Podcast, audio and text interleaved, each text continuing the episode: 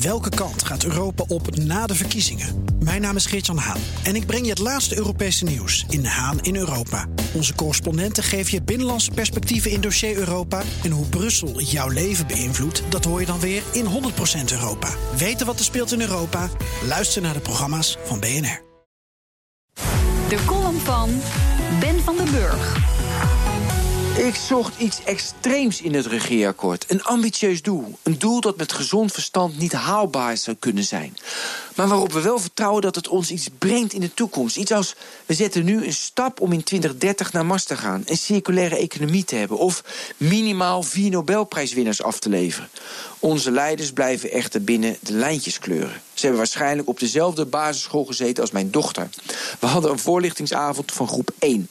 De juf vertelde vol trots dat de kinderen tot 10 leerden tellen.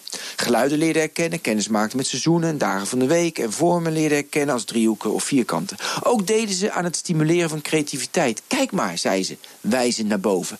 Hing een touw met 30 tekeningen die keurig binnen de lijntjes ingekleurd waren. Mijn vrouw reageerde geschrokken. Dat is toch geen creativiteit, zei ze, dat is een eenheidsworst. Bij creatieve vorming mogen kleuters losgaan, hun werkjes besmeuren of bekrassen, het broeiende, fantasierijke brein tot uiting laten komen. Nu las ik in het regeerakkoord vooral over getalletjes. Het lage tarief omzetbelasting wordt verhoogd van 6 naar 9 procent. De inkomstenbelasting zal in de toekomst uit twee schijven bestaan. Dankzij het nieuwe kabinetsbeleid stijgt de koopkracht tussen de 0,5 en 0,8 procent extra. En allemaal dat soort ongein. Trouwens, het techniekonderwijs op het VMBO krijgt er 100 miljoen euro bij. En huurders met een huurtoeslag gaan er volgens R. Paping van de Woonbond 100 euro op achteruit. Het blijft allemaal klein bier. De klimaat- en energieparagraaf leent zich perfect voor een extreme ambitie.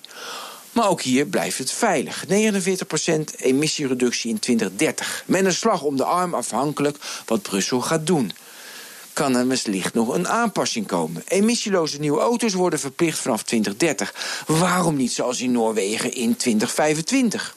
Voor de financiering van de klimaat- en energietransitie is 4 miljard euro beschikbaar. Waarom niet 10 miljard? Euro of 20 miljard euro.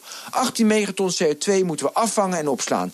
Dat getal is volgens de kennis al volstrekt onrealistisch. En daarom zeg ik, waarom geen 36 megaton of 36,5? Natuurlijk leerde je ooit dat je realistische doelen moet stellen.